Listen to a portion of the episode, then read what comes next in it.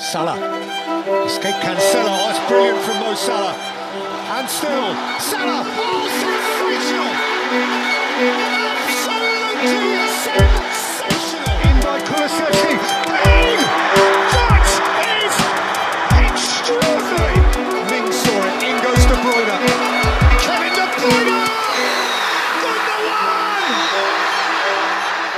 Välkommen tillbaka till FPL ikväll. Vi är tillbaka efter omgång ett och eh, det var en otroligt spännande och rafflande första omgång. Eh, det hände väldigt eh, mycket som vi kommer ta med i dagens avsnitt. Vad kände du Gustav kring den första omgången? Jag kände först och främst att det är otroligt kul att vara igång igen. Man märker att man verkligen har saknat FPL och det är ju, även om försäsongen är kul och, sitta och scouta så, så, så är det ju ändå matcherna som är det roligaste och när omgångarna väl drar igång. Eh, så först och främst kändes det riktigt kul att vara igång igen, men också mycket intressant. Det var viktigt, jag kände så här, det var viktigt att sitta ner och kolla så mycket fotboll som möjligt så att man kunde, eh, kunde mm, dra så många, så många slutsatser som det nu går att dra av en omgångs fotboll. Ja, som sagt, det, det är ju svårt att dra så jättemånga slutsatser från omgång ett. Vi eh, försöker ju vanligtvis ha mer liksom, data att gå på än, än första omgång, men det var ändå kul att se alla lagen spela och se vilken formationer de ställer upp med och se vilka spelare som får spela och vilka som verkar vara aktuella från ett FPL-perspektiv. Precis och, och man var, får ju liksom så här leta efter mönster i hur lagen spelar och i de FPL-alternativen vi är extra intresserade av. Eh, leta efter mönster, se vad vi kan, eh, vad vi ändå kan notera för saker i omgång ett och sen kan man inte Sen kan man inte agera bara på, den, på omgång ett egentligen, men om man ser att detta fortsätter sen i omgång två, omgång tre, ja men då kan man ändå dra faktiskt riktiga slutsatser av det och kanske agera på den informationen också. Hur gick det för ditt lag då i omgång ett? Ehm, jag, är, jag tror att du slog mig eh, med några poäng om jag inte missminner mig helt fel. Jo då, men det gjorde jag. 77 poäng tror jag. Eh, vilket är ju en, en rank på 465 000. Det spelar ju absolut ingen roll i början, men, men en, en väldigt bra omgång. Jättenöjd med 77 poäng. Känns, känns stabil start. Känns som en stabil start. Ja, jag ligger på 1 500 000 ungefär, så jag har ju redan, eh, det är redan kört för mig i år. Eh, jag har redan eh, tappat efter. Nej, men jag fick eh, 69 poäng. Det är, ändå, det är ändå en godkänd insats skulle jag säga eh, efter första omgången. Eh, jag har ju som sagt, vi har ju relativt lika lag, men att jag eh, gick på Foden istället för Diaz och eh, det är väl egentligen den största skillnaden mellan våra lag och att du har Ramsdale i mål Foden- och jag har Foden istället för Ruben Diaz ska sägas. Jag har inte, vi sitter båda med, med Salah, Trent och Robertson som Liverpool, Mm. så det är inte Liverpool Diaz utan Nej, jag nej, hade exakt. Ramsdale, exakt, jag hade Ramsdale i mål och så hade jag Ruben Diaz Eh, spela femback. Du hade ju eh, Ward i kassen och eh, Foden på mittfältet spela 4-4-2. Och eh, klart när både Arsenal och City höll nollan så, så är det ju fördel mig eh, och min duo i, ett så, i ett sånt scenario. Men omgång två, Foden mot Bournemouth till exempel. Det, det kan mycket väl vara så att han, han är, själv jämnar ut det försprånget som jag har fått i omgång ett. Ja, eh, när vi satt och gick igenom våra lag så eh, vet jag att några kommer ihåg att jag satt med Kulusevski istället för Foden på den här platsen. Eh, det var ju, eh, jag satt med Kulusevski länge ska sägas, eh, men jag kände ändå att jag kommer vilja ha Foden till omgång två. Eh, och då känns det som att att ha en 8,0 mittfältare och planera in ett byte direkt efter omgång ett. För att sen kanske även byta ut Foden efter omgång två, alltså bara att då redan ha slösat två byten de första två omgångarna. Jag tyckte inte det kändes särskilt bra, så att eh, det blev Foden till slut. Eh, vi får se helt enkelt efter Bournemouth-matchen. Det är väl därifrån man får utvärdera, men just nu kändes det som att Kulusevski var rätt val att gå på, men vi får se. Ja, vi får se. Samtidigt, du fick ju starten på Foden på West Ham och, och liksom, det hade väl varit en, ett lite rimligare utfall om, om han hade fått med sig något från den matchen och in, i alla fall inte tagit eh, 10 poäng mindre än Kulusevski. Och det kan man inte förvänta sig i, i en omgång. Eh, och eh, som du säger, det, varje byte är extremt viktigt i början på säsongen. Så jag förstår att du inte, att du inte vill eh, spendera ett extra där. Ja, då ska vi rikta blickarna mot omgång två. Det är ju några väldigt spännande matcher, framför allt då ditt Chelsea som tar emot Tottenham, men det går vi in på lite senare eftersom de spelar på söndagen. Omgången börjar ju med Aston Villa mot Everton eh, får vi säga krismöte efter en match. Men... Nej, men det är ju två lag som, som väldigt gärna vill vinna den matchen får man säga, för det, det såg inte bra ut i premiären. Nej, det är, och det är mäktiga Gerard mot eh, Lampard-fighten eh, där också. Eh, Aston Villa, oj vad jag var besviken på Aston Villa första omgången. Jag trodde att de skulle se betydligt bättre ut. Jag trodde att de skulle slå Bournemouth ganska eh, stabilt. Men um, att inte ens göra mål på Bournemouth, det är ju skandal nästan. Ja, verkligen. Det var ju ett, ett väldigt konstigt och oväntat resultat.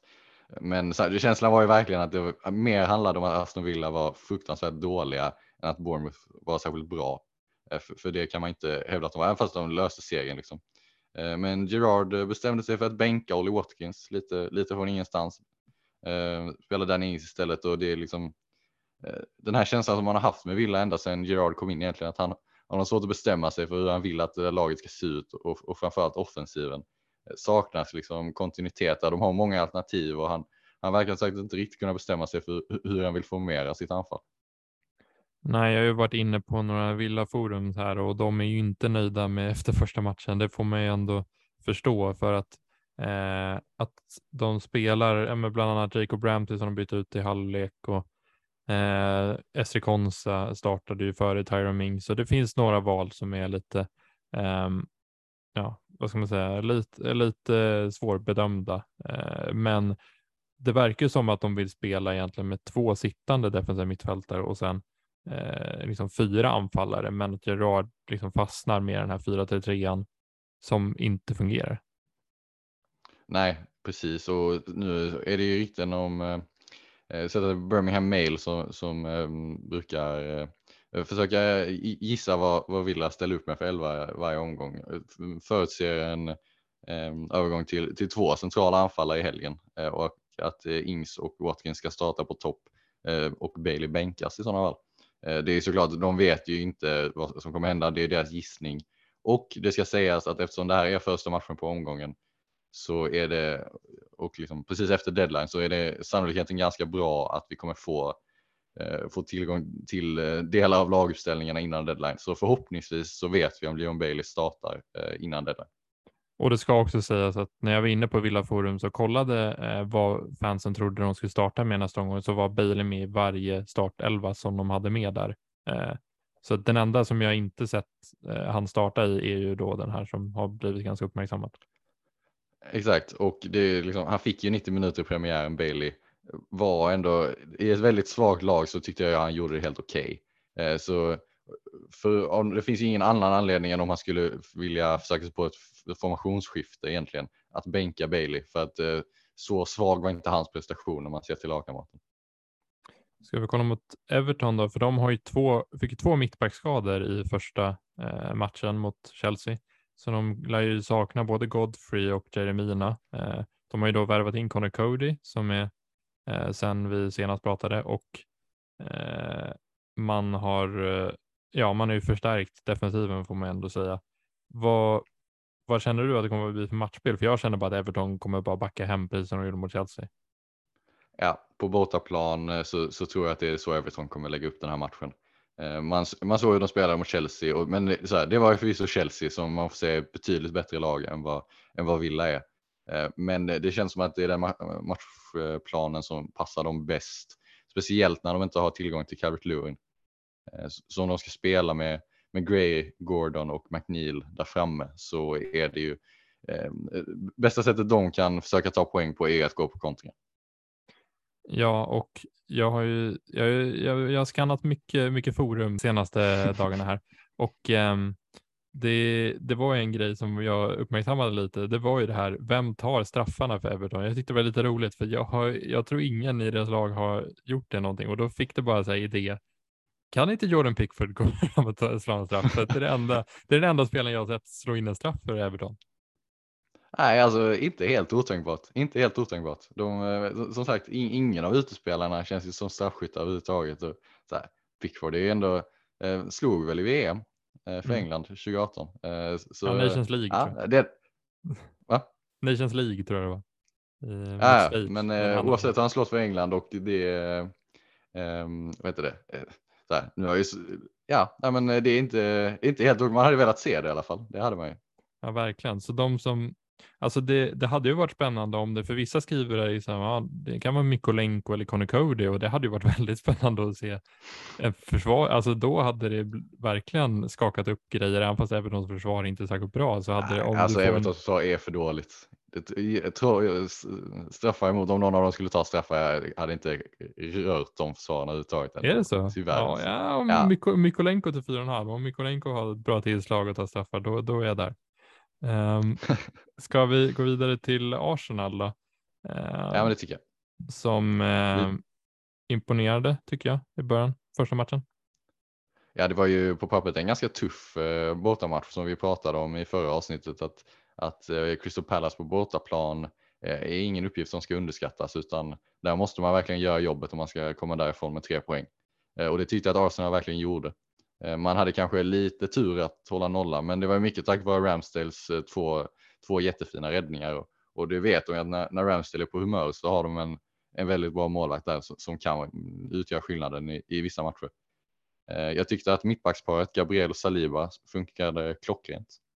Eh, och även om de kanske mattades av lite i slutet, eller ju längre matchen gick Arsenal så tyckte jag att inledningen, första 25-30 minuterna vad det var, Eh, såg väldigt lovande ut offensivt. Eh, då, eh, då hade inte Pallas mycket att säga till om alls i den matchen. Nej, alltså jag gillar verkligen Saliba som mittback. Alltså det, jag tror att han kommer ta den här platsen egentligen som höger mittback i Arsenal och sen så får ju vi får se hur det blir med Ben White eller så, men jag, ja, från vad man såg eh, redan på försäsongen, men även här i första matchen så var det ju otroligt imponerande hans spel.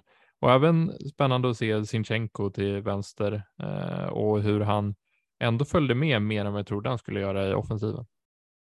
Alltså det fanns ju tillfällen i den här matchen när han var lika offensiv som Saka var på högerkanten. Det var, känslan blev nästan att de, eh, de ställde upp i anfallet eh, med någon form av wingback system.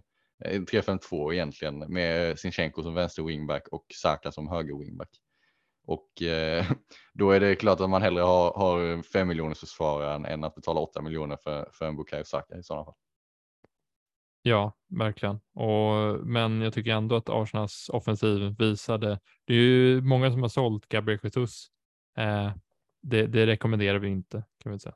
Nej, verkligen inte. Det, det, det, det finns inte på kartan. Om man, om man är en seriös FPL-spelare så, så vet man att man ska behålla honom. Eh, för att så bra är schemat och och han såg ju, man såg ingenting i, eh, i premiären tycker jag som, som får en att tänka att Gabriel Jesus inte kommer göra mål och inte kommer vara ett bra val.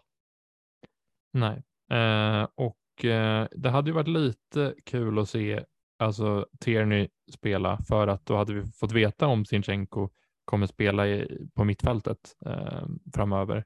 Men eh, vi får egentligen avvakta och se där. Jag är inte eh, superfan av Sinchenko om man kan få Saliba för eh, 0,5 mindre. Men eh, vi får se helt enkelt. Vad, har vi något att tillägga om Arsenal?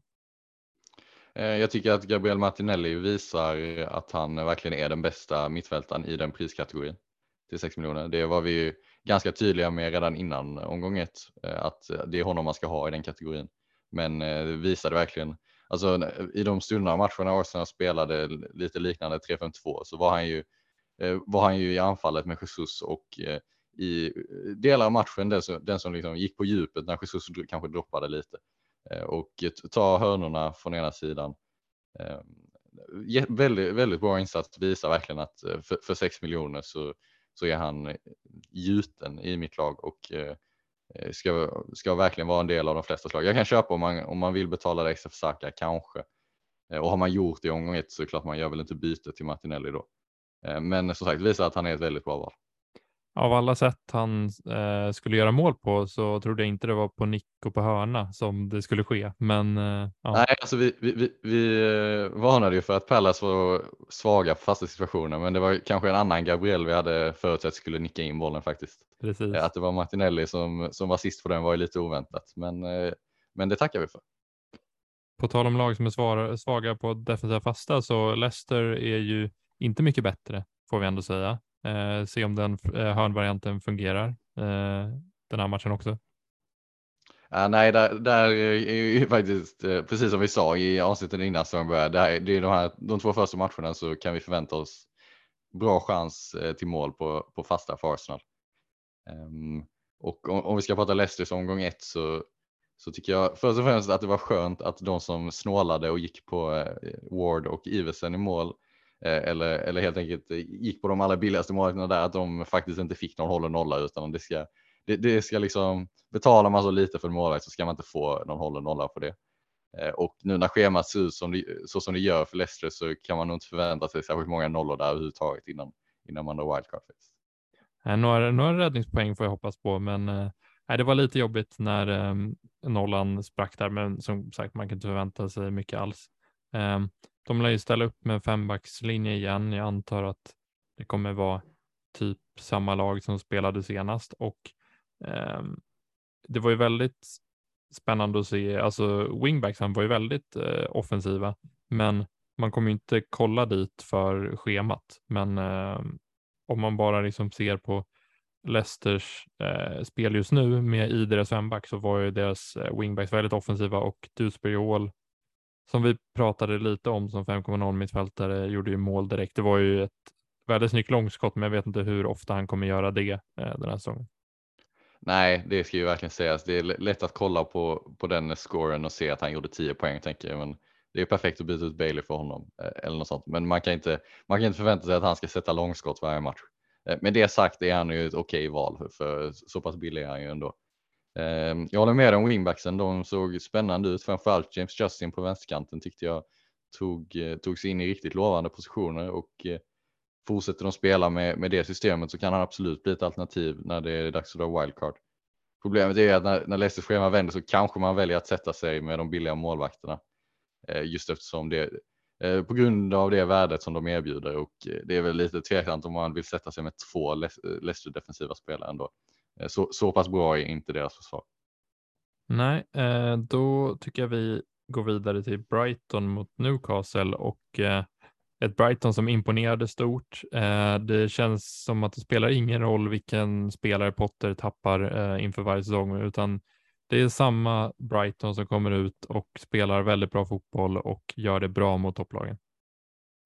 Precis, vi diskuterade ju innan säsongen hur, hur stor påverkan tappen av Bizuma och eh, Kukurea skulle ha. Framför allt på Brightons defensiv kanske. Men eh, Graham Potter visar ju återigen att han har byggt ett lag som, som vilar helt och hållet på ett system som fungerar eh, väldigt, väldigt bra. Och det spelar i princip ingen roll vem han sätter in i det här systemet utan alla vet vad de ska göra och löser den uppgiften på ett bra sätt. Och i en match mot, mot ett Manchester United som eh, vars mål kanske är att nå en plats där man har det här fungerande systemet men såklart inte alls i närheten av det just nu så blir det ju väldigt tydligt hur, hur, hur viktigt det är att ändå vara ett eh, fungerande samspelat lag. Det är lite roligt i den här matchen mellan Brighton och Newcastle att det faktiskt är de två spelarna som fick mest poäng i omgång ett som möts. Vilka var det? Det var ju Pascal Gross eh, från eh, Brighton och sen så tror jag väl att det var Fabian Kjär eh, som gjorde mål för Newcastle. Så Pascal Gross tycker jag är, jag tycker han är helt Alltså, jag, jag tycker han är ett helt okej alternativ till 5,5 om han kommer fortsätta spela i den här rollen som han har nu. Han tar ju alla fasta, eh, kan ta straffar. Jag är inte helt säker på om McAllister eller Gross eh, tar dem, men eh, och till den utgångspositionen som han hade till höger så följde han ju ändå med i offensiven ganska mycket. Det känns ju som en spelare egentligen som eh, Potter bara har Eh, han, han, slänger in honom bara för att han har, vill ha en bra frisparkfot, en bra hörn, eh, hörnläggare. Så att han slänger in honom lite vart som helst på planen bara för att han vill ha honom där. Men eh, han var ju väldigt bra mot United, eh, tycker jag i alla fall. Ja, det var, verkligen. Eh, och fortsätter han spela i den ändå offensiva rollen, som sagt, tar alla fasta, tar förmodligen straffarna. Så eh, Brightons schema vänder ju ganska snart. Eh, man kan, skulle man kunna argumentera för att det redan har vänt egentligen. Eh, och ser bra ut och, eh, och Pascal Gross är väl ingen jag funderar på att byta in just nu men det är inte otänkbart att man går från, från en Leon Bailey till, till Gross även fast det finns andra val i den kategorin som kanske känns lite mer spännande man ska ju komma ihåg hans säsong ändå som han hade där. Eh, jag kommer inte ihåg vilken säsong det var. Kan det ha varit 18, 19 eller någonting? Kan det ha varit ännu tidigare? Eh, där han var otrolig. Ja, nej, det, ja, ja, verkligen. Han, han har ju en höjd i sig. Problemet som har varit de senaste säsongerna är att han har roterats en del och har liksom inte, eh, inte riktigt fått den här, de här perioderna av kontinuerlig speltid som, som han måste få om han ska vara ett alternativ i FBL. Ja, och Eh, en spelare som fortsätter på sin form förra säsongen är ju Danny Welbeck som jag eh, pratade om lite tidigare. Han gjorde ju poäng i alla eh, de sista fem matcherna förra säsongen, gjorde poäng eh, den här eh, omgång ett eh, också och har egentligen spelat 90 minuter nu eh, de flesta matcherna på senare tid. Vi känner ju att Potter brukar rotera, men jag är ganska säker på att Danny Welbeck är ganska gjuten i den här elvan det, så kan det ju vara. Undra finns ju där som ett alternativ och eh, så här, han är ju okej, okay, ganska spännande så differential val Welbeck, men för i den priskategorin så tycker jag ändå personligen att det är ganska givet att, att gå för Mitrovic istället. Eh, framförallt när schemat vänder. Man skulle kunna argumentera för att Welbeck är bättre de kommande eh, fyra omgångarna till exempel när, när han ändå har betydligt bättre schema än vad Mitrovic har. Men, men eh, för mig är det ändå Eh, liksom som, som eh, FPL-alternativ kommer han inte i närheten av Mitrovic, eh, tycker jag. Jag tycker vi kan gå vidare till Newcastle och Newcastle tyckte jag var en av de, en av de lagen som imponerade mest på mig i första omgången. Även fast man mötte en nykomling på hemmaplan så hade man ju, man hade bäst expected goals tror jag, av alla lag i första omgången och man hade eh, minst expected goals consider av alla lag. Så man körde egentligen över Nottingham Forest ganska säkert. Um, vad känner du kring Newcastle den här säsongen? Alltså vi var ju, det var ganska tydligt redan innan att det här premiären är en väldigt bra match och de kommer, kommer vinna den ganska komfortabelt. Eh, och det är det här vi, som det är svårt att avgöra när vi bara har data från en omgång att basera eh, våra tankar på. Eh, hur mycket av den här matchen var att Newcastle var bra och hur mycket var att Nottingham Forest inte kom upp i nivå det är ju väldigt svårt att avgöra eh, och därför vi egentligen behöver, behöver se åtminstone en, två matcher till innan man kan dra några rejäla slutsatser om, om vilken, vilken nivå Newcastle kommer hålla den här säsongen. Eh, jag tycker att potentialen finns där. Eh, jag kan se att man blir ett ganska stabilt lag som är jobbiga att möta och, och kan vinna just den typen av matcher som man hade i premiären ganska bekvämt. Och lyckas man komma upp i den nivån då, då är man intressant FPL-mässigt. Den enda skrällen som jag tyckte var ju att Båtman inte startar den här matchen. Jag var ganska säker att han skulle starta. Eh, men de verkar ju vilja spela Dan Burn och Fabian Schär tillsammans. Jag vet inte om de kommer fortsätta spela de två, men eh, vi får se. Vi får se. Eh, I försvaret så är det väl framför ändå Kieran Trippier som, som sticker ut.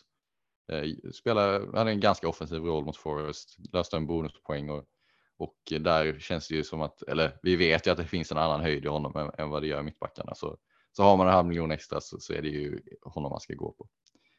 Men eh, jag tycker väl vi kan gå vidare till nästa match. Eh, som ja. är Manchester City-Bournemouth. Och eh, där finns det ju eh, en del att snacka om eh, efter omgång ett. Jag tycker det var en, en eh, väldigt imponerande insats av Manchester City i premiären så tillvida att de hade total och full kontroll på den matchen hela vägen. Eh, de släppte inte till någon, alltså de bjöd inte West Ham på någonting och visade verkligen liksom eh, hur, hur bra de är och hur, hur trygga de är i sitt spel. Ja, jag håller helt med. Alltså City från ett defensivt perspektiv var ju, de släppte inte till någonting. West Ham eh, hade otroligt stora problem, men eh, och City kontrollerade ju matchbilden väldigt, väldigt bra. Jag tycker City ibland var lite statiska, men samtidigt man möter West Ham på bortaplan. Det är inte det lättaste motståndet i ligan. Eh, och man behövde egentligen bara två djupledsbollar till Håland och så var han igenom och gjorde två mål. Det känns otroligt skönt att man satte sig i rätt båt, om man får säga så.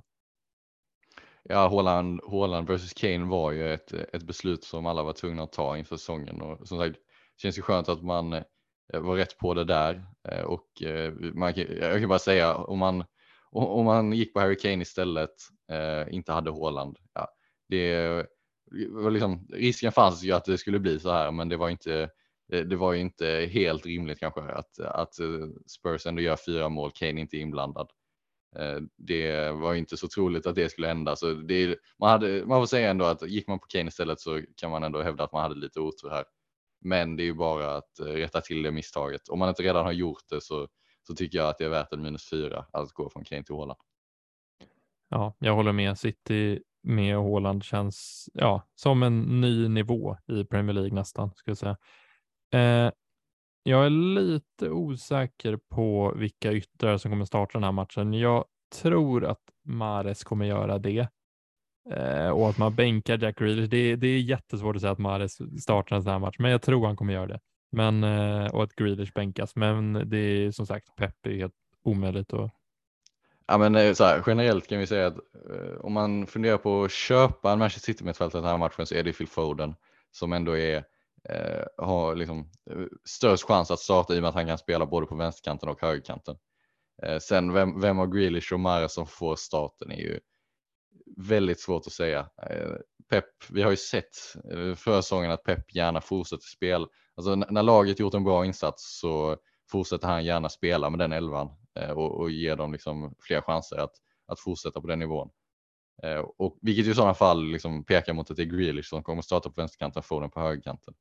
Men samtidigt så gjorde inte Grealish en, en toppinsats mot West Ham på det sättet på ett individuellt plan. Så jag blir inte alls förvånad om, om man startar Mares istället. Så det är väl egentligen, har man Grealish eller Mares, behåll. Vill man köpa en citymittfältare så är det Foden man ska kolla på. Det jag reagerade på lite var ju att eh, Bernardo Silva inte startar den här matchen. Eh, jag var ganska, jag tror att nästan alla var säkra att han skulle starta den här matchen i omgång ett mot West Ham och att han då sitter bänk för Gündogan. Eh, jag kände att det behövde bero på någonting och det har ju kommit lite rykten nu att han ska till Barcelona så här.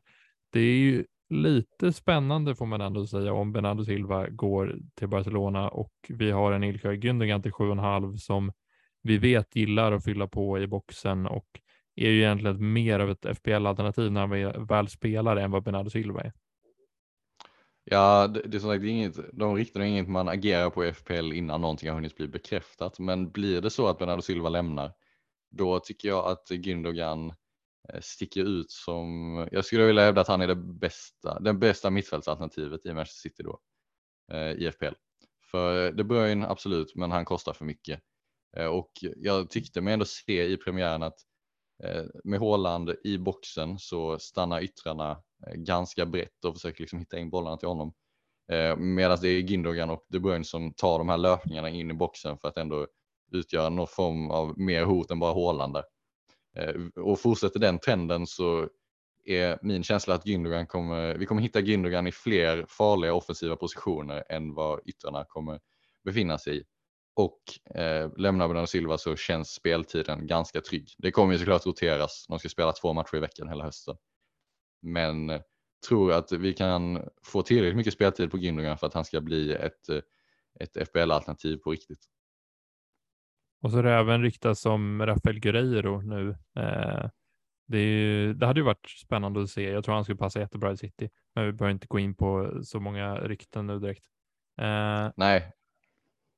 Nej, precis. Vi, vi kan ju prata eh, lite Bournemouth då, för Bournemouth, alltså de höll ju nollan i sin första match. De har ju värvat in Neto nu, eh, målvakten från Barcelona och Senesi från Feyenoord. Eh, en mittbacksvärvning som jag är väldigt imponerad över Bournemouth har gjort för att det är en, faktiskt en väldigt bra mittback som spelar argentinska landslaget och eh, jag tror att han kommer hjälpa det här Bournemouth-försvaret ganska mycket. Fast eh, hur mycket han kommer hjälpa dem mot Håland och Manchester City, det, det är frågan. Nej, det känns ju hopplöst faktiskt. Det, men det, det, för, för dem långsiktigt är det bra att, såklart jättebra att de stärker upp försvaret. Det känns ju helt, helt avgörande för att de ska ha en chans att hänga kvar. Och lite som vi sa innan när vi pratade Villa, svårt att dra några riktiga slutsatser av den här premiären. Var det bara Villa som var jättedåliga eller gjorde Bournemouth eh, faktiskt eh, något bra som de kan fortsätta leverera på, sam, på den, den nivån i framtiden? Väldigt svårt att avgöra oavsett tror jag att de, de kommer få det såklart extremt tufft mot City. Och liksom, säger jag att det kommer sluta 4-5-0 så, så är det ingen som sitter här och säger att det är, att det är omöjligt direkt. Det är under, underkant ska jag säga. Ja, nej, det, det kan ju bli hur mycket mål som helst. Och, så jag tycker att binden på Håland Eh, för mig känns den ganska solklar. Ja, det, Salah är ett alternativ om man inte har något sätt att få in Håland på. Då tycker jag att Salah är, är ett bra alternativ. Men, men har man båda så för mig ganska klart att, att den ska sitta på Håland. Har vi något mer att tillägga kring den här matchen? Nej, jag tycker vi har, vi har eh, nämnt det mesta. Vi som sagt kan förvänta oss att det kommer bli, bli en stor vinst för City det här och det är den matchen som sticker ut mest den här omgången. Att, eh, och ska man ta liksom, ska man gå på att eh, plocka in en spelare bara för den här omgången, då hade jag siktat, siktat in mig på den här matchen och då främst kollat på Phil Foden kanske. Då går vi vidare till Southampton mot Leeds och Southampton får vi ändå säga såg eh, rent ut sagt klappkassa ut mot Tottenham. Eh, var bland de sämre prestationerna eh, under första omgången definitivt. Eh, jag har, ja som sagt, man har ju in, ingen, inget intresse på spelare från Southampton. Leeds tror jag kan vinna den här matchen ganska komfortabelt. Ja, alltså det främsta FBL-intresset man har i Southampton är att ha anfallare som möter Southampton för att där kan vi förvänta oss mål. Eh, och eh, vi såg det i omgång ett. Eh, just Kane gjorde ingenting, men det var väl, var väl mer slump än något annat. Kulusevski och, och ytterbackarna i Spurs visade ju liksom att det, det går verkligen att, att utnyttja det här Southampton-försvaret för att den fembackslinjen såg inte bra ut. Och därmed känns det ju rimligt att, att Leeds med både Bamford och Aronson och de andra där framme kan, kan ta en trea den här helgen. Ni kommer ju tröttna på mina forum eh, stories här, men jag har ju varit inne på Southampton-forumet såklart och eh, eh har ju förstått att de vill ju redan eh, kasta den här fembacken efter en omgång och det, det kan man nästan förstå varför. Ja, nej, det, det känns inte som att det är någonting de kan hålla i handen hela säsongen. I sådana fall måste det se bra mycket bättre ut ganska snabbt. Eh, för fortsätter de på den, fortsätter de på den vägen på den nivån så, så är det Championship nästa, är ju känslan. Verkligen, och Leeds eh, såg ju betydligt bättre ut får man ändå säga. De vann första matchen med 2-1 mot eh, Wolves och eh, Bamford såg riktigt bra ut. Jag tyckte han såg eh, tillbaka till sitt bästa nästan. Eh, Aronson var fin, även fast han inte gjorde några poäng. Han var ju väldigt, väldigt nära att göra mål, men eh, det blev ju inte hans utan det blev ju självmål av Ait Nouri. Men eh, ja, jag tycker ändå Leeds har några intressanta spelare. Ja, och de såg ju framförallt offensiven så bra ut. Defensivt har de fortfarande en del att jobba på. Eh, även om Wolves bara gjorde ett mål så hade man en del chanser för, för fler. Eh, så det är fortsatt ett försvar att, att sikta in sig på, eh, liksom att, att vilja ha anfallare som möter Leeds. Men jag tycker att det finns värde i offensiven i Leeds. Bamford, isolerat ett bra val, men lite för dyr för att jag ska vilja hoppa på där. Eh, så om jag kollar på någon så är det ju snarare Brendan Aronson som såg pigg ut och borde fortsätta. Det finns en del alternativ, men han borde fortsätta starta. Och till 5,5 är det ju absolut en sån spelare som jag hade, eh, jag hade övervägt om jag hade dragit wildcard till exempel nu. Det finns en del som gör det. Eh, jag har inte närheten av det, men om man gör det så tycker jag att Aronson är ett bra val faktiskt. Den som skapade flest chanser i första omgången var ju Jack Harrison och han eh, hade ju en väldigt dålig säsong förra året får man ändå säga jämfört med vad han hade året innan det. Eh, men eh, jag tycker ändå att Jack Harrison, eh, jag gillade verkligen vad jag såg med han och Bamford. Eh, jag tycker man såg förra säsongen att Harrison saknade Bamford, att han saknade någon form av punkt där uppe och att det inte Eh, nu spelas ju inte med Dan James eller så där uppe, utan nu kommer ju Bamford vara där. Och jag hoppas verkligen att Bamford kan hålla sig skadefri för att då tror jag Leeds i allmänhet kommer bli betydligt mer eh, attraktiva som alternativ för oss. Precis, och vi såg ju för två säsonger sedan vilken, vilken höjd som finns i Bamford, eh, både som fotbollsspelare och som FPL-alternativ. Tog väl uppemot 200 poäng eh, för två säsonger sedan och fick ju spela i princip inte förra säsongen, var ju skadad hela tiden. Eh, så om han kan liksom hitta tillbaka till, till den nivån från för två säsonger sedan så kan han ju absolut trots prislappen bli ett alternativ och kommer ju definitivt hjälpa Leeds som lag.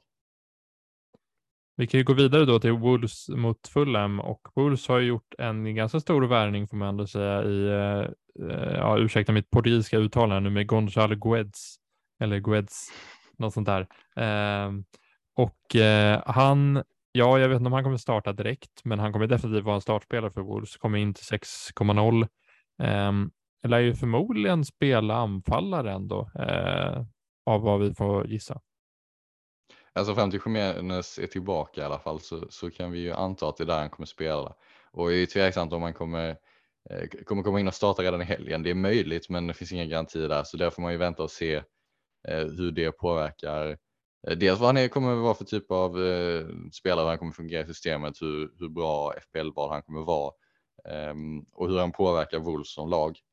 Eh, men det är ju, sitter man på Neto eller på den så, så tror jag att man kan eh, sitta kvar där ganska lugnt eh, liksom med speltiden ändå för att han kommer inte, inte i första hand innebära ett hot, eh, hot för deras speltid. Nej, framförallt inte mot Neto. Jag tror det är mer risk för Podens, men eh, Neto kommer ju fortsätta spela lika mycket som han har gjort tidigare.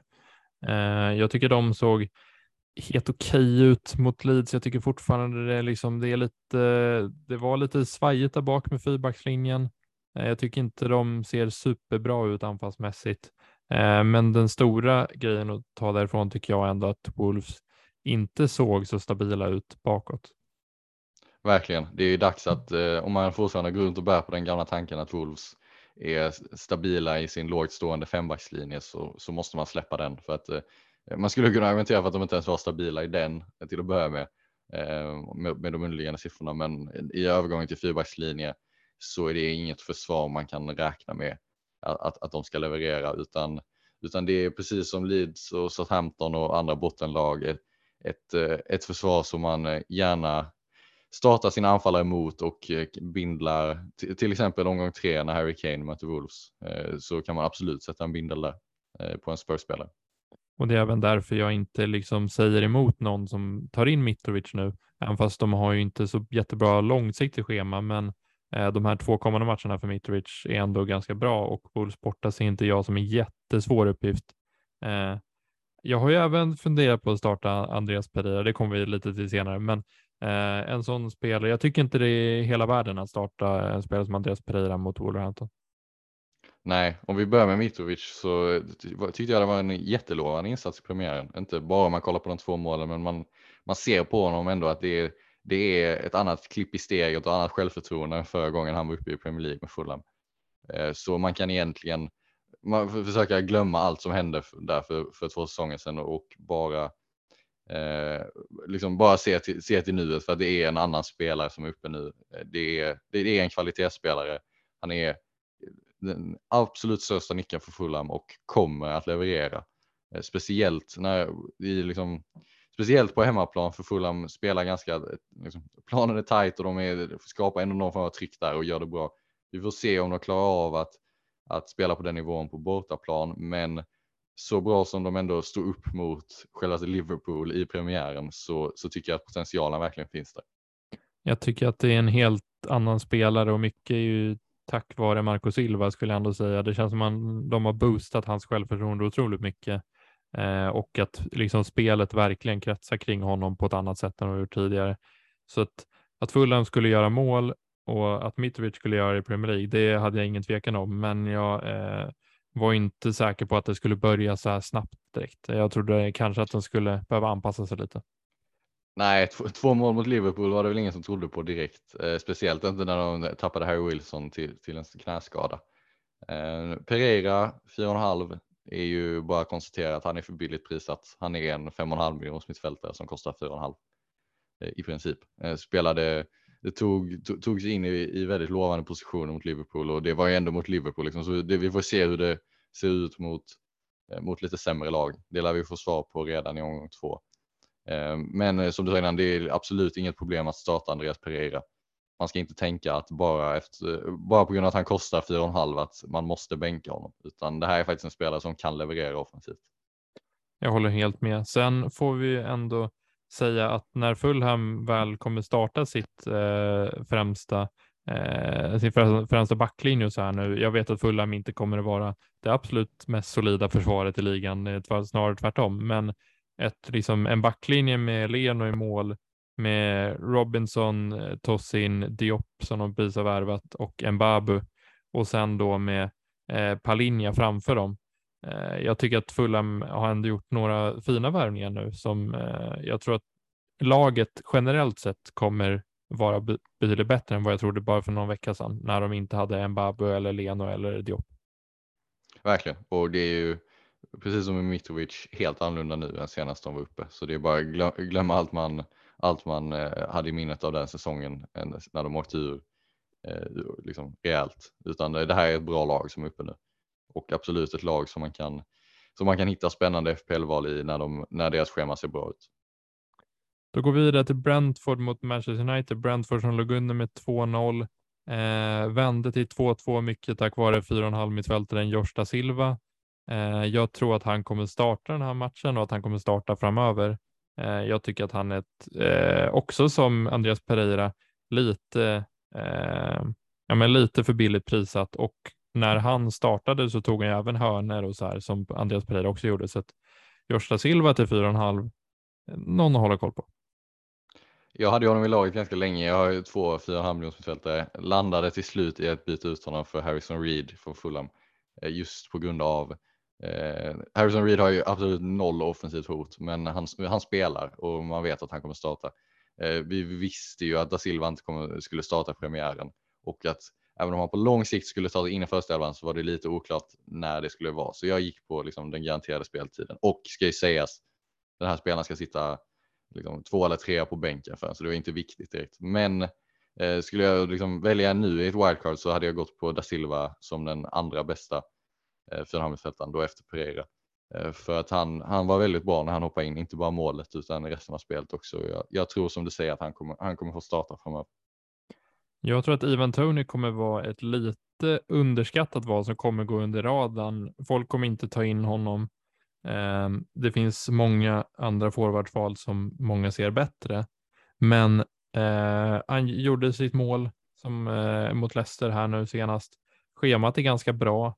Eh, jag tycker inte det är ett så dåligt val alltså. Nej, det håller jag med. Han kommer, kom inte ticka på. Liksom. Det är en bra anfallare. Han är extremt viktig för Brentford. Prislappen lite jobbig, 7 miljoner, så tycker jag att det finns, liksom, om man bara går upp lite så, och kanske, alltså, det finns i liksom relativt liknande priskategorier val som är betydligt bättre tycker jag. Och eh, jag föredrar ju, det schemat emot just liksom, om man ser de eh, kommande fem omgångarna så är det schemat emot. Men jag, det går ju mycket hellre på Mitrovic än Tony eh, faktiskt. Jag ser Fulham som ett eh, bättre offensivt lag än Brentford och jag tror att Mitrovic är mer av en explosiv FPL-spelare på så sätt att det finns en större potential till, till två, tre mål i en match eh, medan Tony mer kommer vara den här stabila spelaren som tickar på. Ja, det behövs ju att Brentford får tre straffar i samma match för att Tony ska göra hattrick. Eh, men ja, nej, nej, det... ja, vi, eh, han lär ju göra mål mot United i alla fall, det kan vi säga. Ja, eh, någon kommer göra det i alla fall för de håller inte nollan. Eh, så det såg ju inte alls bra ut i omgång ett såklart. Det, det undgick ju inte någon. Eh, och, så här, återigen, man kan inte dra allt för stora slutsatser av det där. Det var väldigt tydligt att här kommer ett lag som inte har hunnit spela ihop sitt, liksom, få ihop sitt system överhuvudtaget ännu, som möter ett lag där systemet sitter klockrent och då är det, blev jag inte förvånad över att det slutade så här. Eh, men man, man måste ge en hög tid. Det, det kommer se bättre ut på lång sikt. Har man, liksom, började man säsongen med Marcus Rashford eller eller Dalot så hade jag behållit eh, nu för omgång två, sparat bytet och sen eh, skeppat i omgång tre förmodligen. Jag tycker inte ens att Rashford var ett dåligt val. Alltså det här friläget som han bränner, det är ju en otroligt stor chans som han, han kan lika gärna göra mål på det och så står han där på åtta poäng. Så att, ja. ja, han fick ju två bra lägen ska säga så att det här en annan dag så hade han kunnat gå därifrån med ett eller två mål utan problem. Men eh, United som lag imponerade inte direkt. Så han är, liksom, han är, han är okej att behålla för den här matchen, men sen har man Liverpool gång tre, då hade jag börjat titta åt andra alternativ. Jag håller med. Eh, ska vi gå vidare snabbt då till Nottingham Forest West Ham? Vi behöver inte nämna jättemycket om den här matchen. Nottingham Forest såg ju otroligt svaga ut. Jag, jag förväntar mig ändå lite mer från ett eh, nykomlingslag som nästan har hypat upp mest av alla nykomlingar.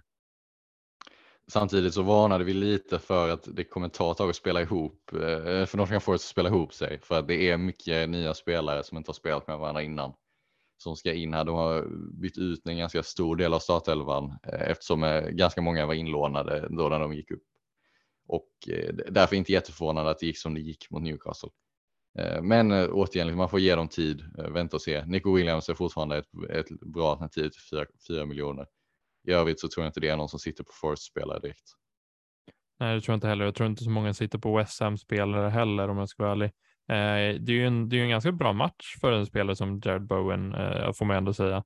Men eh, det är ingen som kommer sitta där, tyvärr. Men ja, det, om man bara kollar liksom på en enskild match så tycker jag att Jared Bowen, ja, Alltså... Ja, nej, alltså det är liksom, han kan göra ett plus ett där utan, utan att man blir förvånad över det. Men det är ju ingen som sitter där så in, blir inte så relevant att diskutera egentligen. Jag, jag tycker vi kan, vi kan lämna den matchen där och gå vidare till, till Chelsea Spurs som vi ju har betydligt mer att, att säga om.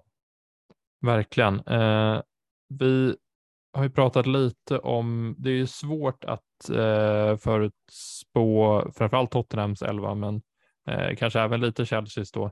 Vi funderar på om det kanske blir lite ändringar i Chelseas backlinje. Vi har ju pratat om det lite tidigare. Ja, det finns ju. Eh, vi såg att Ben Chilwell fick starta premiären, vilket inte var helt givet ändå. Eh, hade det inte varit så att Alonso verkar lämna så tror jag han hade startat den matchen. Eh, men nu spelade Chilwell, blev utbytt. Eh, uppenbarligen inte redo för 90 minuter. Medan Kukureya hoppade in, gjorde ett bra inhopp skulle jag vilja säga, eh, sett till hur lite, lite tid han har haft med laget. Eh, och min gissning i nuläget eh, är att Kukureya kommer starta matchen mot Spurs eh, eftersom han är bättre, eh, lite bättre def defensivt än vad Chilwell är. Och man vill ha honom mot, mot Kulusevski och den Spurs wingback som startar på den kanten. Så jag skulle gissa att Kukureya spelar vänster wingback att Koulibaly fortsätter som vänster mittback, vilket han gjorde jättebra förresten. Det var otrolig klass på honom. Kommer ersätta Antonio Rydiger, eh, väldigt bra. Eh, Thiago Silva också. han är väldigt gammal nu men håller fortfarande en otroligt hög nivå. Eh, och sen är det ju då frågan med Reece James. Om han kommer starta, att han startar, eh, liksom att han kommer starta det vet vi men Frågan är om han kommer starta som höger mittback eller höger wingback. Och just eh, långsiktigt är det ingen tvekan om att han är wingback, men just i den här matchen när Tottenham spelar så som de gör och framför allt att man har Jong Min Son i den rollen som han spelar i så tror jag att det är favorit på att James kommer starta som mittback för att liksom försöka, försöka ta ut Son eh, ur den här matchen. Ja, jag kan inte se riktigt hur Alltså Aspilicueta, jag vet inte hur han kommer markera Son, Det känns ju som att han blir liksom eh, betydligt ja, äldre för varje år som går naturligtvis, men eh, det känns ju som att han kommer ha det ganska tufft mot Hungminsson, även fast Chelsea från vad jag har läst har väl typ sex raka nollor mot Tottenham. Alltså historiskt sett väldigt bra resultat mot Tottenham, men eh, jag tror ändå att, eh, att Tuchel kommer vilja ha en lite eh, snabbare och överlag bättre spelare som ska markera sån där. Eh, vilket gör att jag tror att James kommer starta eh, som mittback den här matchen. Eh, inte nödvändigtvis katastrofalt för honom som ett FPL-val. Eh, han, eh, den här är väl inte den typen av match där hans offensiva hot från wingbacken hade varit som, som allra högst ändå. Och eh, vi såg ju mot Everton så började han som höger wingback, spelade vänster wingback och sen när Kukurea hoppade in så blev han höger mittback. Spelade på tre olika positioner. Och framförallt, han var bra på bonusen, tog ju bonuspoäng eh, trots att han fick gult kort, eh, vilket ju inte är så vanligt. Eh, framförallt tack vare att han, att han slår hörnorna. Eh, för nu när Alonso har lämnat så är det egentligen inte så mycket konkurrens om hörnorna utan det är han som får slå dem. Eh, även om han inte slog sådär jättebra hörnor så, så fick han fortsätta slå dem och jag tror att han kommer göra det mot Tottenham också. Och en back, det kan man ju säga generellt att en back som slår hörnor det är väldigt, väldigt bra för deras eh, chanser att få bonuspoäng. Verkligen. De hade, jag tror han hade 17 inlägg mot Spurs eller något sånt där, eh, vilket var klart mest eh, av alla mot spelare. Everton. Ja, mot Everton, exakt. Ja. Eh, och det var klart mest under hela första omgången.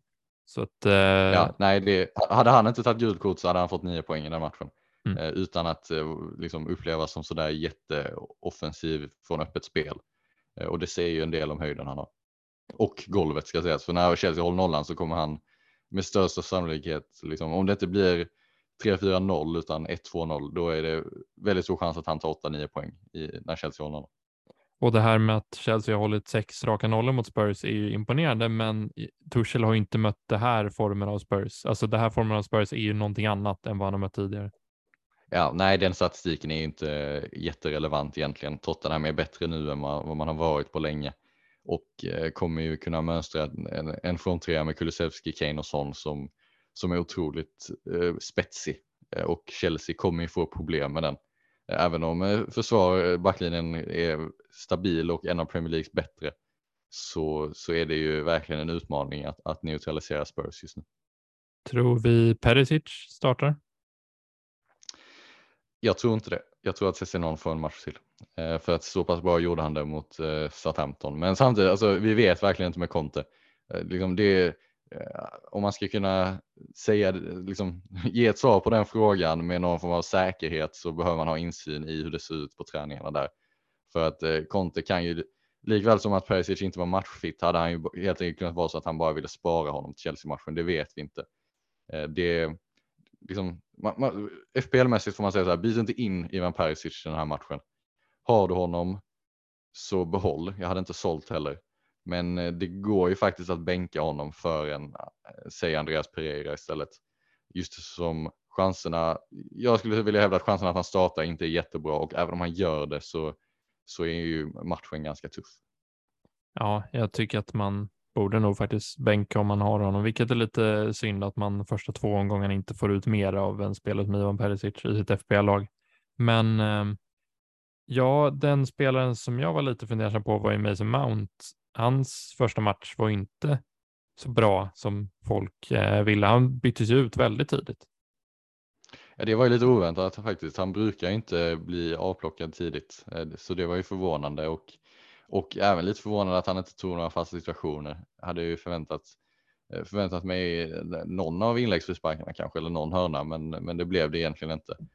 Ehm, och alltså Chelsea som lag, eh, offensiv, offensiven ser liksom, den flyter inte riktigt och, och de, det är liksom, man har väl aldrig under Tuchel varit ett lag som, som är lika bra offensivt som, som City Liverpool såklart eller, eller Spurs och som de ser ut nu, men, men jag tycker liksom Eh, jag tycker det är tveksamt om det är värt att betala 8 miljoner för Mason Mounts när um, vi får se om han fortsätter bli utbytt, men han, han, har inte riktigt den här höjden. Och när man med tanke på hur många alternativ som finns för 8 miljoner så hade jag nog velat ha en spelare i den rollen som antingen spelar för ett bättre lag där höjden sett till att laget kan göra 3, 4, 5 mål i en match finns eller att det är typ en Jared Bowen som är verkligen inblandad i exakt allting som, som West Ham gör, liksom den här extrema nyckelspelaren.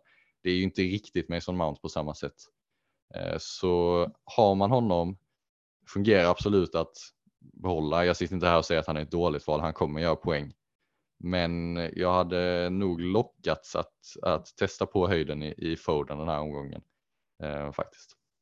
Ja, jag köper det helt. Um, ska vi gå vidare till sista matchen eller har vi något mer att tillägga kring Chelsea och Tottenham? Alltså jag vill ju säga med, med Harry Kane att eh, vi pratade lite om det innan när vi pratade Håland. Men har man Harry Kane, gick man dit istället för Håland. Bara rätta till det misstaget, byt, byt, byt till Håland. Har man inte redan gjort det, ta minus fyra, det funkar. Dock ska sägas, är man väldigt bekväm med att bindla Mohamed Salah den här veckan, tror att han har en bra chans att ta fler poäng än Haaland. Då är jag mer tveksam till om det är värt en minus fyra att gå från Kane till Haaland. För ska man ta en minus fyra för det så måste man sätta binden på Haaland. Men tycker man att det fungerar att bindla Salah så kan jag ändå se att man kan behålla Kane med tanke på att han förmodligen är det bästa kaptensvalet i omgång tre och har bra schema. Men eh, som sagt, jag personligen hade velat bindla Håland och hade gjort det bytet om jag hade gått på Kane i omgången. Ja, alltså jag tycker att man eh, inte bara måste känna att Salah är ett bättre kaptensval den här omgången. Man måste även känna att Kane är det klart bästa kaptensvalet i omgång tre för att eh, hålla kvar honom. Eh, så jag, jag håller helt med där. Jag, jag hade nog, eh, ja, nu är det för sent att göra det raka bytet Kane till Håland, men eh, om man inte hade en halv miljon på banken. Precis. Då är det lugnt fortfarande. Eh, då går vi vidare till omgångens sista match och det är ju Liverpool mot Crystal Palace och det är ju Sala eh, mot laget som han eh, oftast brukar göra massvis med mål och assist mot. Um, men i omgång två där han aldrig brukar göra mål eller Exakt. assist om man ska prata historik. Hur, eh, ja, hur kommer det krocka? Nej, någon av de trenderna kommer ju brytas, så det blir kul att se vilken, vilken av dem det blir. Men Eh, pratar vi Sala så, så liksom premiären visar ju vilken typ av spelare han är ändå. Han, ser, han imponerar inte sådär jättemycket i det öppna spelet men kommer därifrån med, med 12 poäng och 1 plus 1 och det är liksom han har en förmåga att hitta in i målprotokollet och, och vara där när eh, Liverpool ska avsluta sina anfall som är helt fantastisk och han kommer ju fortsätta leverera um, framöver. Jag tycker det var identiskt som Community Shield-matchen, att han var ganska osynlig egentligen eh, stora delar av matchen. Men att han till slut kommer därifrån med ett mål och en assist och man bara, ja, jag, jag får köpa det. Det, det är Salah. Det, ja. Ja, nej, så, så, så bra är han liksom. Det, han, han, löser målen på något sätt. Men eh, det, där vi, alltså, alla vet ju vad man har Salah. Så är det någon vi ska prata om i Liverpool så är det ju snarare David Nunes. Ja. För han hoppade verkligen in och förändrade den matchen helt. Hur tror du han eh, påverkar våra FBL-lag och påverkar Salah? Alltså, ja, han kommer definitivt påverka. Hur han, om vi börjar med hur han påverkar Salah så vill jag hävda att vi har sett lite för få minuter av Nunes och Salah tillsammans för att vi ska kunna ge ett, ge ett bra svar på den frågan. Där får vi faktiskt vänta och se Eh, det är möjligt. Vi har ju sett att han kommer in ta en helt annan roll än den Firmino har när han spelar eh, och är mycket mer av den här spelaren som är sist på bollen och tar ju liksom, han suger upp de här målchanserna eh, som normalt sett hade fallit mer till Diaz och Salah kanske. Eh, så på ett sätt så tror jag att det kan påverka Salah negativt eftersom en större andel av målchanserna kommer gå till Nunez. Men det är inte alls omöjligt att de här hittar någon form av liksom samarbete där det istället gynnar de båda och bara helt enkelt leder till att det blir fler målchanser för Liverpool. Och det är det som är svårt att veta och där vi behöver ge det mer tid helt enkelt. Ja, jag håller helt med. Det är, det är väldigt svårt att avgöra. Jag tycker att Nunez från vad jag sett är otroligt intressant FPL-mässigt. Eh, han känns ju inte som världens mest kliniska avslutare, men eh, till liksom chanserna han kommer till så är det ju nästan hittills i alla fall i samma nivå som Håland, fast eh, till liksom 9,0 istället för 11,5. Alltså det är ju det, att han kommer till så otroligt mycket chanser och så här, vi har inte världens liksom eh, vi har inte så många matcher att basera den här datan på, men vi såg i Community Shield, vi såg omgång ett, vi har sett på försäsongen att han är liksom en målchansmagnet. Han, han, han liksom, eh, han hamnar i, han får de här målchanserna helt enkelt som liksom, det är en svårdefinierad förmåga, men han, han hittar de här lägena. Och jag tror att den det påverkar mest kommer vara Luis Diaz. För han gynnas verkligen av att Firmino spelar. Eh, då tar han en mer offensiv och central roll. Jag tycker att Nunez tryckte, honom, tryckte Diaz både längre ner i banan och längre ut i banan. Eh, nu spelar de inte särskilt många minuter tillsammans i omgång ett, men framförallt i Community Shield så såg vi det här. Så jag tycker ju, alltså Nunez kommer verkligen, min tro är att han kommer verkligen förändra eh, mycket FPL-mässigt.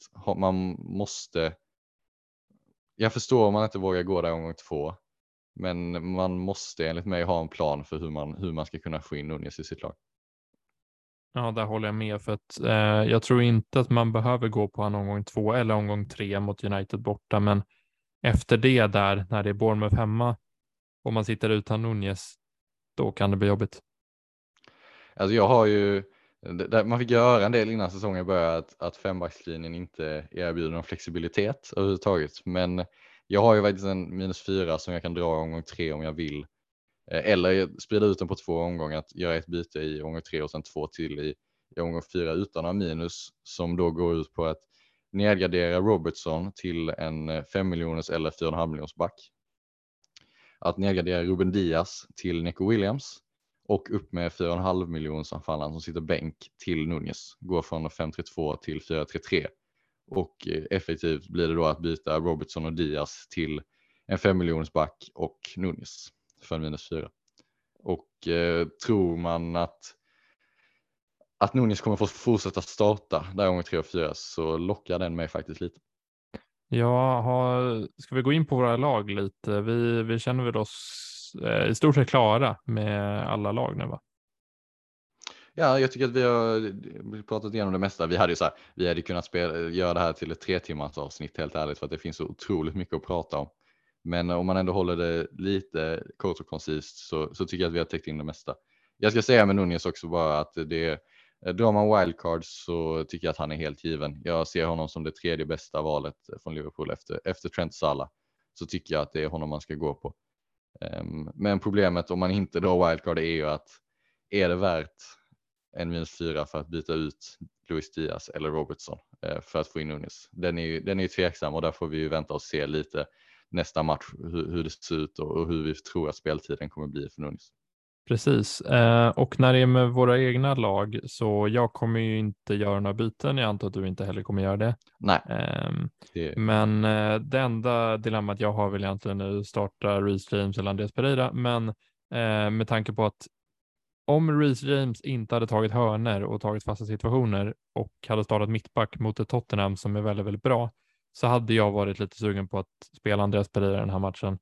Eh, jag tror inte att jag kommer spela Andreas Pereira, men eh, bara för att eh, Reece James är bra bonus och om de håller nollan kan det bli en nio poängare som du säger. Ja, alltså jag tycker inte att det är ett, ett, ett, liksom, ett dilemma direkt. Jag tycker det är helt givet faktiskt att man ska starta Reece James där. För att det är, chansen finns att Chelsea och Tottenham kommer ta ut varandra lite. Det ser vi of, ganska ofta i den här typen av matcher. Och håller bara Chelsea nollan så är det mycket möjligt att James står där med nio poäng.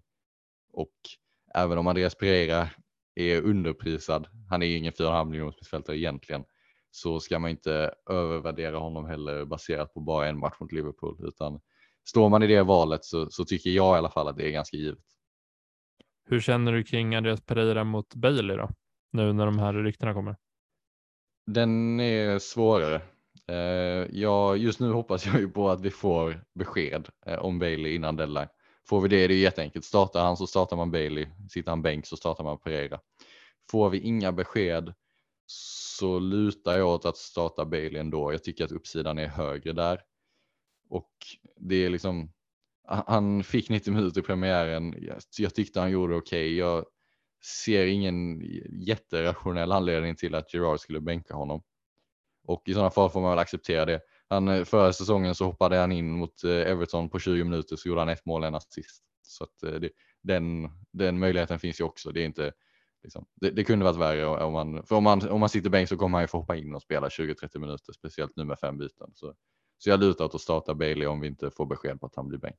Jag gör också det. Jag tror att eh, han, gjorde, han gjorde ju ett mål och en assist när han hoppade in senast mot Everton. Så att, eh, det hade varit kul att se det även den här gången. Vi har ju några snabba frågor också som vi hade tänkt köra innan vi rundar av. Eh, du hade ju en fråga som du ville köra Gustav. Eh, ja, det var ju vi fick en fråga. Jag kommer inte ihåg vem det var som ställde den nu, men vi fick en FBL fråga. FBL controller. Exakt, tack. Eh, som frågade om eh, liksom hur, hur expected goals eh, tas fram, egentligen varför det skiljer så mycket och då var det David Nunez som var exemplet här. Att det, eh, Eh, vissa modeller, Opta har, honom, har hans expected goal-involvement mot Fulham till 0,66 medan andra eh, expected goals eh, liksom leverantörer har honom betydligt högre upp mot 1,6. Eh, och då är det egentligen liksom om man ska förklara vad det beror på eh, på, utan att gå in på alldeles för mycket på de tekniska detaljerna kring expected goals så är det ju olika, de olika företagen jobbar med olika modeller. Eh, det är framförallt Opta och Statsbomb som är de två bästa som eh, säljer ut den datan till andra hemsidor och, eh, och ehm, appar. Och det finns lite skillnader i hur man mäter expected goals och expected assist i de här olika modellerna. Om vi tar skillnaderna i expected goals så är de mindre och det är egentligen att Statsbomb tar, mer, tar mer hänsyn till Eh, positionering på backar och motståndarnas backar och målvakt eh, när man då räknar ut värdet på eh, det skottet som, som en spelare tar. Eh, vilket ju leder till att till exempel det målet som Nunis gör eh, så eh, får det lite högre expected goal-siffror än Eh, vad Opta ger det förmodligen. Och det är kanske ännu större skillnad i hur man mäter expected assists. Um, Statsbombs expected assist-värde är rakt av eh, du passar till en spelare som skjuter och expected goals-värdet på det skottet blir samma som din spelares expected assist som passade till det här läget. Kommer det inget skott så blir expected assist noll. Medan Opta har en egen modell som eh, inte är bara baserad på att det ska komma ett skott utan lite mer komplex och försöker räkna ut hur eh, Eh, exakt hur stor chans det är att en passning från den här positionen leder till ett mål. Med detta sagt då så leder ju detta oundvikligen till att det blir skillnader i siffrorna eh, mellan olika modeller. Att det är så pass stort som det är eh, med Nunez är att det skiljer nästan en hel expected goal involvement händer i princip aldrig. Jag vet inte om jag varit med om det innan att det skiljer så mycket mellan olika modeller. Um, och det, där får man ju också liksom märker man att det är skillnad mellan så. Det är bra att jämföra olika källor och märker man de här skillnaderna så får man försöka om man vill ha ett svar på det så får man försöka gå in djupare och försöka kontextualisera de här siffrorna så att man eh, får reda på vad, vad det beror på helt enkelt. Och det finns ju det finns ju underliggande data även till den underliggande datan. Eh, som om man vill gå in ännu djupare och förstå vad som bygger upp de här siffrorna. Och så om man ska avsluta den här lilla utläggningen så är det helt enkelt att man får konstatera att det finns skillnader mellan olika, eh, olika modeller eh, som tar fram expected goals expected assists. Men de här skillnaderna gör ju inte att man eh, inte kan använda expected goals expected assists som jag tror också var en del av frågan om kan man verkligen lita på de här siffrorna då? Ja, det kan man. De, det är bevisat och man kan räkna ut att spelare med hög expected goals, expected assists, oavsett vilken modell vi använder. Det korrelerar ganska mycket med vilka spelare som faktiskt gör mål, vilka spelare som tar FPL-poäng. Det är enligt mig det bästa verktyget vi har i nuläget för att förutse vad som kommer hända i matcher i framtiden, vilket ju är det vi försöker göra i FPL. Eh, så med det sagt, man ska inte oroa sig för mycket för de här skillnaderna utan jag tycker att expected goals, eh, eller jag vet att expected goals är ett verktyg som man som jag verkligen rekommenderar att man använder sig av eh, om man vill kunna basera sina FPL-beslut på en lite mer objektiv, objektiva grunder. Ja, bra. Då har vi gått igenom det otroligt nördiga segmentet, men det är ändå bra att vi går igenom det tycker jag. Eh, ja, men vi, an här, vi använder ju mycket eh, underliggande siffror i podden, så det är liksom, jag känner att det var en bra fråga eh, mm. var det och, och jag vill ändå förklara det lite för att det kan, är man inte superinsatt i det så, så förstår jag att det kan framstå så, som väldigt märkligt. Eh, men så vill jag bara visa eller förklara att det är liksom sådana skillnader sker, även om det oftast inte är så extremt och det det gör ju inte, ja, som jag sa, det är fortfarande liksom användbara verktyg. Um, vi går vidare till nästa fråga då och du är Jonas Brodén eh, som frågar, är det självklart att man väljer att plocka bort Robertson framför Trent om man skulle gå på Nunez som vi pratade om innan och jag tycker väl ändå att det är det. Jag håller med. Det om vi, här får vi återigen gå till de underliggande siffrorna. Där har Trent väldigt mycket bättre underliggande siffror än vad Robertson har. Vi såg under andra halvan av försäsongen att Robertson matchade Trent och till och med tog fler poäng än honom. Men detta var då under en period där Robertson överpresterade sett till vad han borde ha presterat och Trent underpresterade rejält. Jag tror inte, vi har inte sett tillräckligt mycket. Jag tyckte inte Trent var sådär jättebra mot Fulham, eh, eller han var så som man vill se honom i FPL mässigt, men om den liksom, jag tycker att de historiska eh, underliggande siffrorna som är inhämtade under en lång period verkligen understryker att vi kan förvänta oss att Trent eh, i FBL ta, kommer ta fler poäng än Robertson och jag tycker att han är värd en halv miljon extra. Vi har ju några som frågar om Gündogan och så här nu när Bernardo Silva är, eh, kanske ska bort, men vi får ju egentligen bara avvakta där skulle jag säga. Ja, alltså lämna Bernardo Silva så kan vi ta den diskussionen då. Eh, men fram till dess så tycker jag inte man chansar på Gündogan. Nej, eh, då har vi inte så mycket mer för den här eh, gången. Vi tackar för oss.